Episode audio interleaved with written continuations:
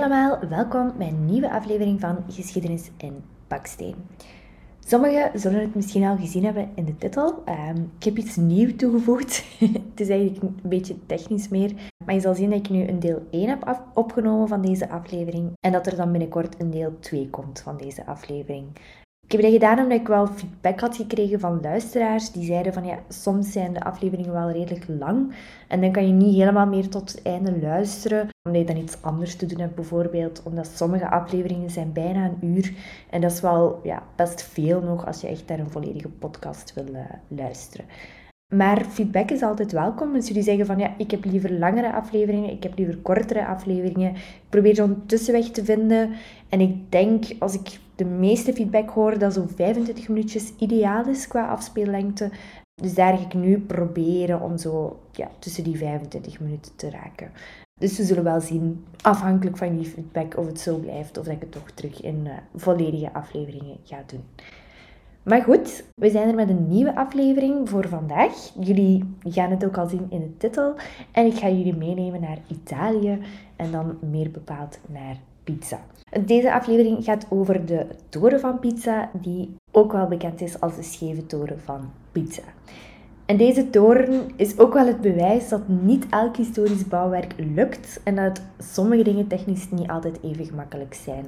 Want soms denk ik daar niet over na, maar als je kijkt hoeveel historische gebouwen dat er zijn en hoeveel dat er nog altijd recht staan, ja, denken we niet over na hoe moeilijk dat, dat eigenlijk is en hoe eenvoudig dat allemaal lijkt als we die gebouwen zien. Dus dat zien we ook wel een beetje hier van, ja, het was niet de bedoeling om een schuine toren te gaan maken. Dat ga ik ook wel vertellen. Het was effectief wel de bedoeling om een rechte toren te gaan maken. Maar daar is bouwtechnisch wel wat fout gelopen. En dat ga ik jullie allemaal uitleggen in deze aflevering. Dus we gaan ietsje dichter terug naar huis uh, ten opzichte van de vorige aflevering. We gaan voor deze naar Italië en naar Pizza, dicht tegen de Middellandse Zee.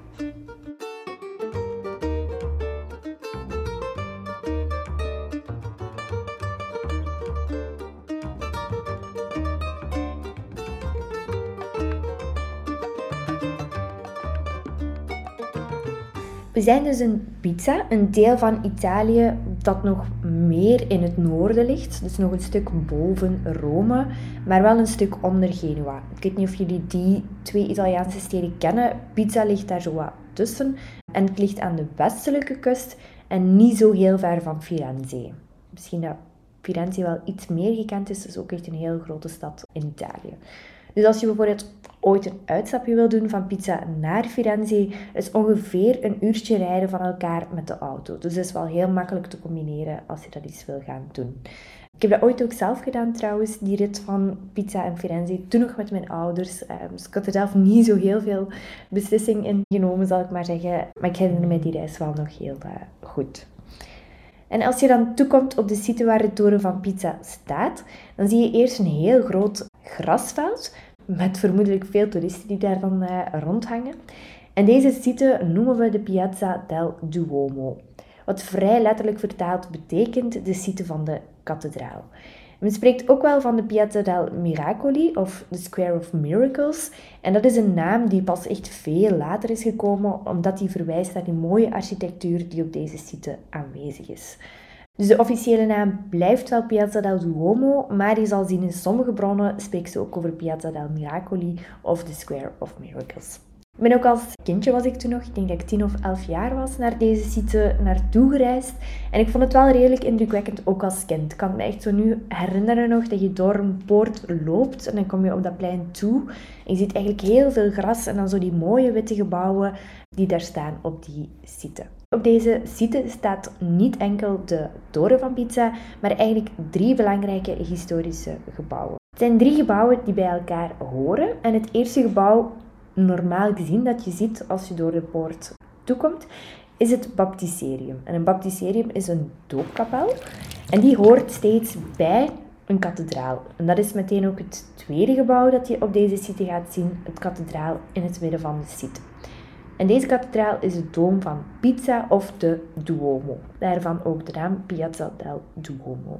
En dan het derde gebouwtje dat je gaat zien, dat is dan diegene die we moeten hebben voor deze aflevering. Dat is de toren van Pizza en dat is ook een campanile genaamd. Een campanile is een moeilijker woord voor wat wij een klokkentoren noemen, dus we kunnen ook gewoon spreken over de klokkentoren van Pizza. En deze drie horen allemaal bij elkaar. Dus je had de kathedraal daar in het baptisterium waar mensen gedoopt werden. Vroeger werd dat nog apart gehouden. De dag van vandaag zal dat ook wel, of later in de middeleeuwen, zagen we ook wel dat dat al geïntegreerd werd. En zeker ook die klokkentoren, later in de middeleeuwen, zagen we ook dat dat in één gebouw werd gedaan. Waarom deden ze dat? Waarom stond die klokkentoren apart? Nu, daar waren een paar redenen voor. De eerste was bouwtechnisch. Bouwtechnisch was het gemakkelijker om die klokkentoren apart te gaan zetten, omdat zo'n toren heel veel gewicht heeft en omdat anders de structuur van de kathedraal zou kunnen aangetast worden. Door het gewicht van die klokken in de klokkentoren en door het bouwwerk dat nodig is om rond die klokken te gaan voorzien. Dus heel ironisch eigenlijk ook wel hier, nu dat we weten dat die toren effectief scheef is gegaan.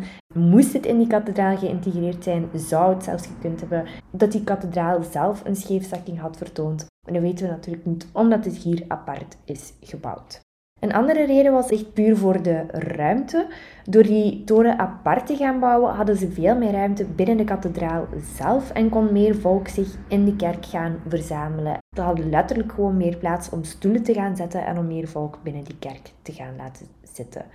Misschien vinden we dat ook wel ironische dag vandaag, gezien de kerken nu niet meer zo vol zitten, maar op dat moment in de middeleeuwen was dat zeker een belangrijk punt. En de laatste reden was brandpreventie, omdat een klokkentoren bovenaan die klokken had hangen. En vaak was dat met een houten constructie aan elkaar gemaakt. Dus die klokken werden opgehangen aan een houten constructie. En moest daar dan ergens een brand ontstaan, ja, dan moest men vermijden dat die brand zou overstaan op de hele kerk, op de hele kathedraal. En dan kon men dat vermijden door die toren apart te gaan bouwen. Die toren staat er nu, die drie gebouwen zijn apart gemaakt, maar ze zijn wel alle drie duidelijk in dezelfde bouwstijl gemaakt. Dus je ziet wel heel goed dat die drie bij elkaar horen, ook al zijn ze apart getrokken en aparte gebouwtjes. Het is wel één mooi geheel.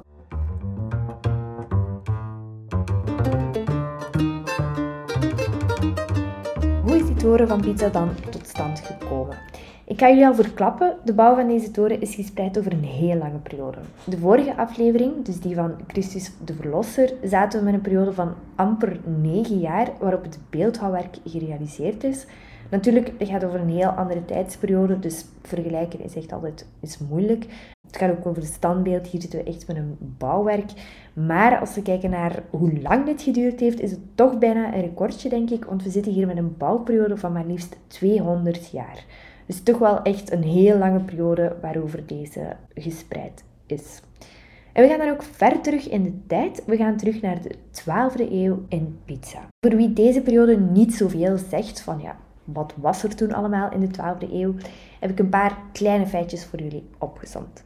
Nu, in de 12e eeuw staat Vlaanderen vooral bekend over zijn handel in lakens. Dus daarvan kennen we nog heel veel van onze lakenhuizen. Bijvoorbeeld in Gent waren we gekend om onze laken, in Brugge waren we daar ook heel bekend. En we hebben nog hier in Vlaanderen heel veel van die lakenhallen die nog zijn overgebleven van onze handel in die lakens. Het is ook de periode waar voor het eerst specerijen uit Arabische landen werden geïmporteerd naar Europa. Maar het was ook de periode van de kruistochten, de ridderordes, zoals de Tempeliers bijvoorbeeld, en de periode van de troubadours. Voor dat allemaal heel middeleeuws klinkt, we hadden ook al de eerste universiteiten die hier aankwamen op dat moment. En dat was in Parijs, in Oxford en ook de eerste universiteiten in Italië. Het noorden van Italië is op dat moment een van de welvarendste regio's van Europa, mede door hun handel in leer. Dus leder, zoals we vandaag nog altijd zeggen, de beste schoenen komen uit Italië, want die hebben het beste leder. Dat was blijkbaar toen ook al het geval. En de goede schoenen, die wist men, zijn gemaakt uit leer uit het noorden van Italië. En als we dan kijken naar de bouw, het is vooral de periode van de Romaanse bouwkunst, de gotische kunst en de renaissance, die komen pas veel later. Dus bijvoorbeeld van Michelangelo en zijn David was helemaal nog geen sprake. Die man moest nog geboren worden, dus dat kenden ze toen allemaal echt nog niet. Pizza was wel een rijke, welvarende streek op dat moment, mede omdat zij een haven hadden in de Middellandse Zee en het was een heel belangrijke route voor de handel. Je zal heel vaak zien in de middeleeuwen steden die het goed deden, hadden oftewel heel veel schepen, oftewel grondstoffen dicht in de buurt, oftewel natuurlijk heel goede ambacht en uh, vakmannen. Het verhaal hier begint specifiek in 1172 bij de vrouw Donna Berta di Bernardo. En zij was een edelvrouw uit Pizza en ze was pas weduwe geworden. Vermoedelijk had ze heel veel geld geërfd en begon ze dan na te denken van ja, wat moet ik nu allemaal met die centjes doen of wat kan ik allemaal met die centjes doen als goede investering van mijn erfenis. Sommige mensen gaan verder reizen maken, ze kopen nog een extra huisje of ze doen het geld allemaal op. Maar Donna beslist om die 60 soldi te gaan doneren voor de bouw van de campagne in Pizza. Klinkt niet heel veel en het is heel moeilijk om dat te gaan vergelijken met een bedrag vandaag de dag. Ik heb het proberen opzoeken, maar ja, dan krijg je echt heel moeilijke berekeningen qua inflatie. Hoe was dat op dat moment? Uh, dat is iets dat ze eigenlijk heel moeilijk kunnen gaan berekenen. Hoeveel dat, dat bedrag exact waard was. Ik heb er wel over gevonden dat deze middeleeuwse munt, dus die soldi, toen ook nog maar vrij nieuw was en pas ingevoerd als betalingssysteem van het Heilige Roomse Rijk. Dus die soldi was nog niet zo lang een betalingsmiddel in die tijd. Met die 60 soldi konden ze zeker niet de hele toren gaan bouwen, maar wel de fundering van het gebouw. Dus letterlijk, wat is er gebeurd met die donatie van Donna Berta? Dan hebben ze de aankoop gedaan van een paar stenen, die dan later de basis zullen vormen voor de klokkentoren, de fundering. We spreken van 1172 en we zijn nog altijd op onze mooie site, de Piazza del Duomo.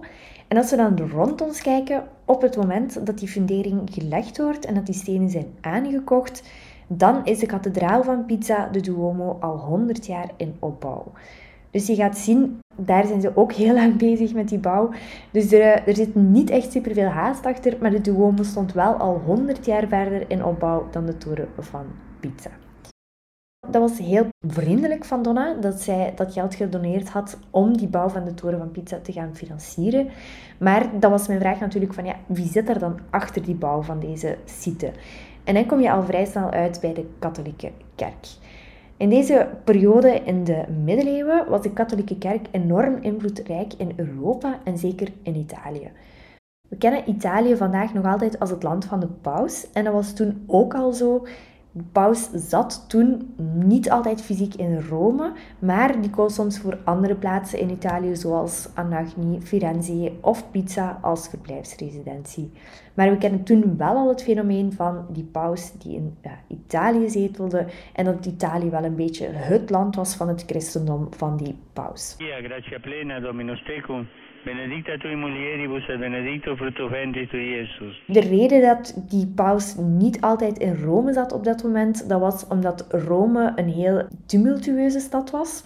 En in de middeleeuwen was die ook niet altijd vrij van ziekte. Dus voor hun gezondheid is het beter om dan naar iets kleinere steden te gaan waar mensen minder dicht op elkaar leven, waar minder verspreiding is van die vreemde ziekte, dan in Rome, waar het blijkbaar toch wel een broeikas was. Vroeger vonden we dat misschien een rare redenering. Ik denk dat we op dit moment allemaal heel goed begrijpen dat dat belangrijk kan zijn. De paus en de katholieke kerk die hadden heel veel invloed in die tijd, dat zich niet louter beperkte tot godsdienst. Het is zo dat leiders van de kerk die hadden vaak ook een politieke invloed, want die gingen ook wereldleiders gaan beïnvloeden door hun te benoemen of ja, echt gewoon invloed gaan uitoefenen op het beleid van die belangrijke figuren. En zo was het ook altijd dat de paus zijn toestemming moest geven om een keizer of een koningin te kronen. Dus dat stelt hem in positie eigenlijk boven die figuren. Omdat de paus zogezegd zijn goedkeuring moet geven van ja, jij mag nu koning zijn of jij mag nu keizer zijn. Het is nog lang wachten tot de Napoleon, die zich tijdens die kroning zichzelf zal kronen en de paus ermee een beetje buitenspel zat. Die tijd zijn we echt nog niet. Ehm, dus we moeten hier vooral onthouden dat de paus toen nog heel veel macht had. De katholieke kerk is de eigenaar van de volledige site van de Piazza del Duomo, waar de kathedraal staat, de doopkapel en de toren van Pizza. En er is één man die supervisie krijgt over deze bouwwerken en dat is een bisschop, bisschop Guido. En deze man zal echter sterven nog voor de toren van Pizza maar begonnen is. Maar plannen heeft hij toen wel meegekeken en die waren er intussen wel al. In 1973 gaat men effectief van start gaan met de fundering voor deze toren. En snel daarna volgt het eerste verdiep die gekenmerkt wordt door blinde arcaden. En arcaden, dat zijn bogen. Een mooi woord, een arcade. Misschien ook in het Engels dat je een beetje kan afleiden, is gewoon een boog. En dat is ook hoe die toren van Pisa is opgebouwd. Je hebt telkens verschillende verdiepen. Daar heb je telkens die zuilen op per verdiep. En bovenaan de zuilen eindigt die zuil in een boog. Dus dat is de arcade die men noemt. Wat dan speciaal is aan het onderste verdiep, is dat die bogen daar blind zijn. En dat wil zeggen dat je er niet door kan kijken, want ze zijn dichtgemaakt met een soort betonnen ommuring. Eigenlijk een soort voor die eerste verdieping. De zuilen die geplaatst worden zijn Corinthische zuilen. Dat is misschien ja, iets technischer en je gaat dat misschien ooit geleerd hebben in een les over Romeinse of Griekse architectuur. Omdat de vroegere Romeinen en Grieken werkten altijd met drie typen zuilen. Dus je had eerst de Dorische zuilen. Dat is echt de standaardzuil gewoon met een standaard bovenstuk. Dus je hebt een voetstuk en een bovenstuk die er zo op uh, staan. En bij een Dorische zuil is die helemaal niet versierd, is dat echt gewoon een heel standaard bovenstuk. Je hebt dat bijvoorbeeld bij het Parthenon in Griekenland.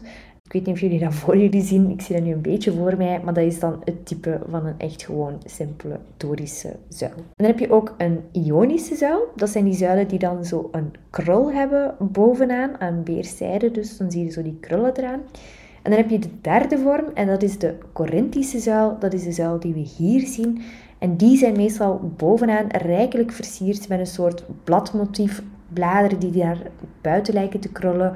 Of het kan ook wel verder gaan als uh, figuren of zo die daarin verwerkt worden. Dus het is echt meer een ja, feestelijker zuiltype, een meer fantasieën en meer ornamenten aan in deze zuil zien we ook hier, als je er goed naar kijkt en je zoomt daar eens op in, dan kan je eh, gezichten herkennen in die zuilen bovenaan. En ook soms menselijke figuren die worden afgebeeld samen met dat type bladmotief. Dus wel mooi, zo echt die details die er zijn ingewerkt, dat zie je ook wel hier terugkomen. En als je dan voor de toren van Pizza staat, zal je ook zien dat er aan weerszijden van de deur dat er drie dieren staan afgebeeld. En de dieren die je gaat zien zijn een beer, een slang en een ram. Deze dieren komen vaak als symbolen terug in christelijke afbeeldingen. De beer staat namelijk als symbool voor bescherming. De slang die komt vaak terug als symbool voor het kwaad of de zonde.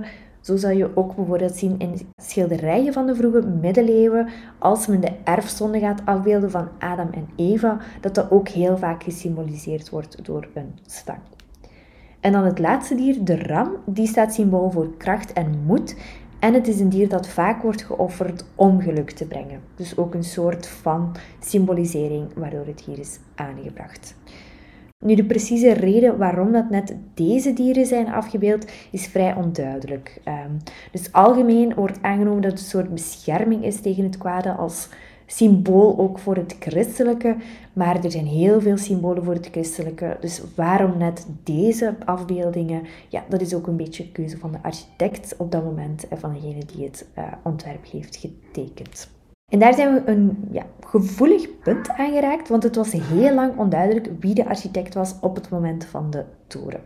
Giotti Salvi wordt vaak genoemd als een naam omdat hij de architect was van het baptisterium, de doopkapel die ook op deze site staat. Nu, het bleef een beetje gissen, want er is in de uh, toren van Pisa nergens een naamtekening gevonden of een plakkaatje met vermelding van de architect van de toren. En ook de identiteit van Giotti Salvi was vrij onbekend, waardoor dat we amper informatie hadden over deze man of een bevestiging dat hij effectief de architect was. Nu, een tweede naam die heel vaak genoemd wordt, is die van Bonanno Pisano. Hij was een bekende architect en beeldhouwer in die tijd.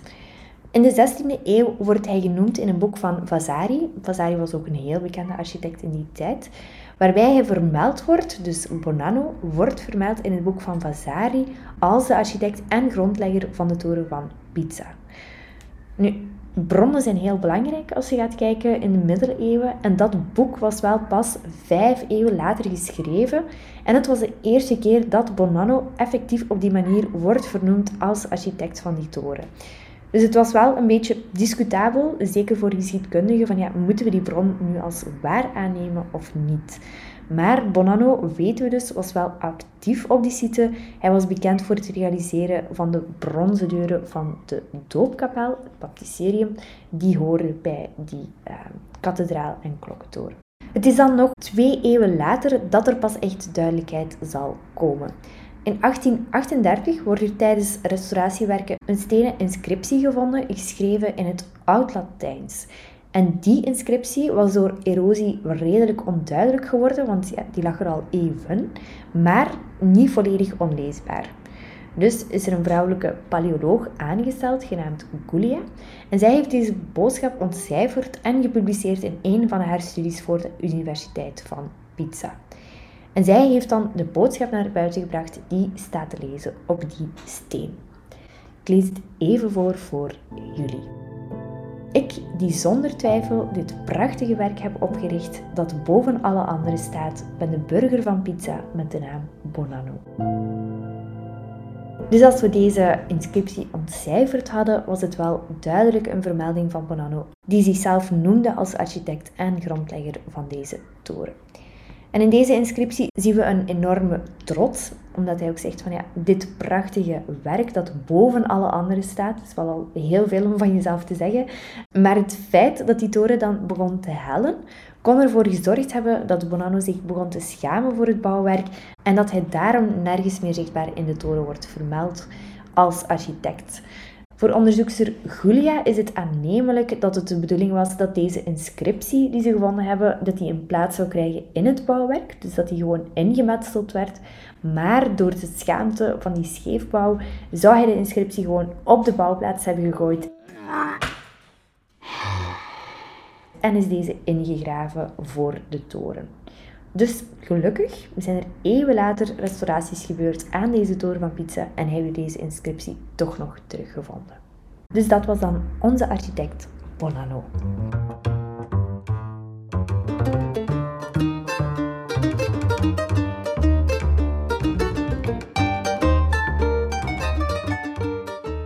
Voor de bouw van de toren heeft men gebruik gemaakt van kalksteen een lokale steen afkomstig uit steengroeven in de buurt van Pizza. Deze kalksteen is heel licht van kleur, maar gaf toch niet de kleur aan de toren zoals we hem nu kennen. Want voor de buitenlaag van de toren is er marmer gebruikt. Die geeft zo een chicere look aan het geheel en iets meer zo die glanzende uh, look. Ook nog een leuk feitje daarbij is dat er veel bronnen die zeggen dat het goed was dat niet volledig die toren uit marmer was gebouwd, want stel dat dat was gebeurd, dan zou die toren niet meer hebben rechtgestaan. Omdat de kalksteen die gebruikt was, is een veel flexibelere steen en die steen kon zich nog wat onder druk gaan zetten en aanpassen aan die scheve helling van die toren. Maar met uitsluitend marmer, dat helemaal niet zo flexibel is, zou dat niet het geval geweest zijn en zou de toren gewoon zijn omgevallen. Dus gelukkig. Het is natuurlijk wel een praktijk die vaak zo gebeurde, omdat die kalksteen een iets eh, makkelijker steen is om mee te werken. Marmer was ook veel duurder, dus daarom dat we die ook ging gewoon gebruiken voor de buitenlaag en de kalksteen voor de binnenlaag. En het marmer dat werd gebruikt kwam hier niet uit Italië zelf, maar werd per schip gebracht uit regio's van Afrika, Griekenland en Turkije. Nochtans heeft Italië wel een uh, heel mooie marmersite in Carrara. Ik heb die ooit eens bezocht met mijn ouders, uh, dus ook eigenlijk op diezelfde Pizza Firenze-reis. Ik weet nog als kind dat ik daar toen wel echt van onder de indruk was. Omdat je een uh, berg ziet waar ineens heel veel mooie witte steen uitkomt die super glad waren. Omdat ze die dan zo heel mooi bewerken om dat uit te houden. Dus ik heb daar wel nog een, een mooie, goede herinnering aan, ik zal het zo zeggen. dus misschien iets atypisch om te gaan bezoeken, maar ik vond het wel leuk om dat eens effectief te gaan bekijken. En dan zie je ook op heel de site van de Piazza del uh, Duomo het resultaat van al het marmer komt ook terug in de uh, kathedraal zelf en het baptisterium op deze site. Dus samen maakt dat een heel mooi geheel van uh, gebouwen. De deuren die je ziet in de toren zijn niet meer de deuren vanuit de middeleeuwen, maar zijn het resultaat van een restauratie. Ze zijn wel gemaakt in dezelfde stijl ongeveer als ervoor, maar het is zeker geen middeleeuwse deur meer waar je kan doorlopen. En als je kijkt boven de deur, dan zie je daar een afbeelding van de Maagd Maria met haar zoon Jezus. En dat is dan weer een verwijzing naar het christelijke, om toch nog eens duidelijk te maken dat die klokkentoren behoort aan een christelijk gebouw, namelijk de kathedraal. En dan gaan we vijf jaar verder in 78, want dan wordt de derde verdieping op de toren van Pizza gezet. Dus je zou denken dat schiet eigenlijk supergoed op. We zijn vijf jaar verder en de derde verdieping wordt gezet. Maar dat is het moment waarop het fout begint te lopen. De derde verdieping komt op de toren en de toren begint te zinken. En dat proces gaat heel langzaam en eigenlijk was er toen sprake van een geluk bij een ongeluk. Want de staat Pizza die komt in conflict met andere Italiaanse steden zoals Genua, Lucca en Firenze. Het conflict wordt een militair conflict en gaat vooral om territoriale belangen, want Pizza en Genua liggen beide aan de zee en die willen beide controle over die havens aan de Middellandse Zee. En Firenze en Lucca die willen dan hun gebied uitbreiden, zodanig dat zij ook meer toegang hebben aan die zee. En daarom gaan zij in conflict met Pizza en Genua.